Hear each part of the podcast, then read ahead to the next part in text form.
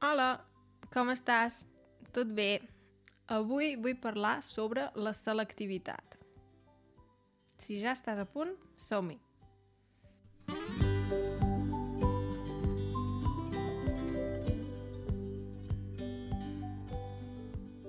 Molt bé, uh, la selectivitat és un examen que es fa si vols anar a la universitat. Si, per exemple, has estudiat a l'institut, has fet el batxillerat, uh, que no és obligatori el batxillerat, i vols uh, estudiar a la universitat, primer has de fer un examen que es diu selectivitat. I avui us vull explicar com em va anar a mi la selectivitat.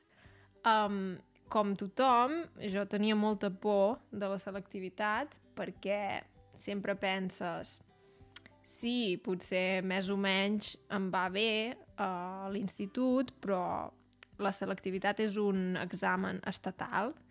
Llavors, mmm, diguem-ne que pot ser que el nivell sigui una mica diferent al nivell de l'institut que al nivell de la selectivitat. I, de fet, eh, vaig tenir una mica aquesta experiència amb una assignatura. Potser també vaig tenir mala sort, simplement. Però um, hi va haver algunes assignatures en què jo tenia millor nota a l'institut i vaig tenir pitjor nota a la selectivitat i al revés també. Sí. Um, quan anava a l'institut m'agradaven molt les assignatures d'anglès, no crec que sorprengui ningú, d'anglès, uh, història de l'art i filosofia, m'agradaven molt. I la veritat és que aquestes assignatures són les que em van anar millor a selectivitat. Vaig treure millor nota i em van anar millor. Mm, sí, estava nerviosa perquè tens un temps limitat i perquè, evidentment, és un examen important. Però de seguida vaig notar que, que sí, que m'anava força bé, que sabia de què parlar, que sabia què escriure a l'examen. um, en canvi, per exemple, l'assignatura de matemàtiques no em va anar gaire bé. Mm, vaig suspendre, de fet. suspendre vol dir que no vaig treure prou nota per aprovar. Uh, abans les notes de selectivitat eren entre 0 i 10. 10 és la millor nota i 0 és la pitjor i per aprovar abans havies de tenir un 5. Ara han canviat les regles i crec que hi ha un total de 15 punts, crec, no ho sé segur, no ho sé segur.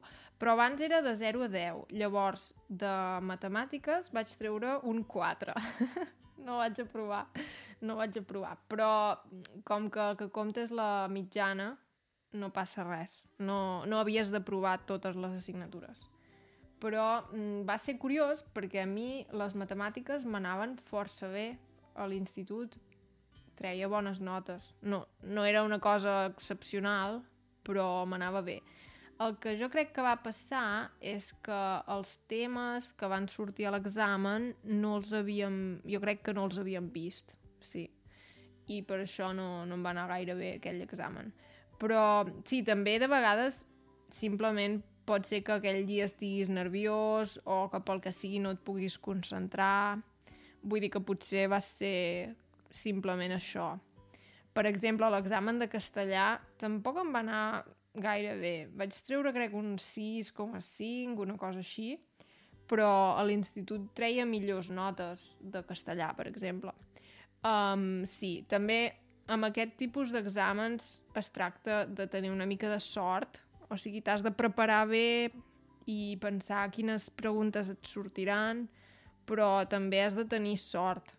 Perquè, per exemple, uh, per Història de l'Art, me'n recordo que va sortir el quadre La llibertat guiant el poble i era un quadre que havíem vist feia poc a classe. Llavors, jo ja no me'n recordo, però en aquell moment uh, tenia uns molt bons coneixements sobre aquest quadre.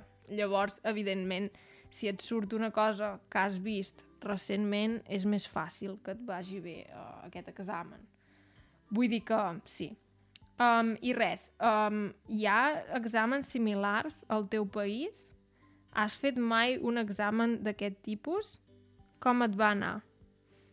A mi, en general, no em va anar tan malament, però sí que és veritat que la nota mitjana que vaig treure de selectivitat era més baixa que la meva nota mitjana habitual.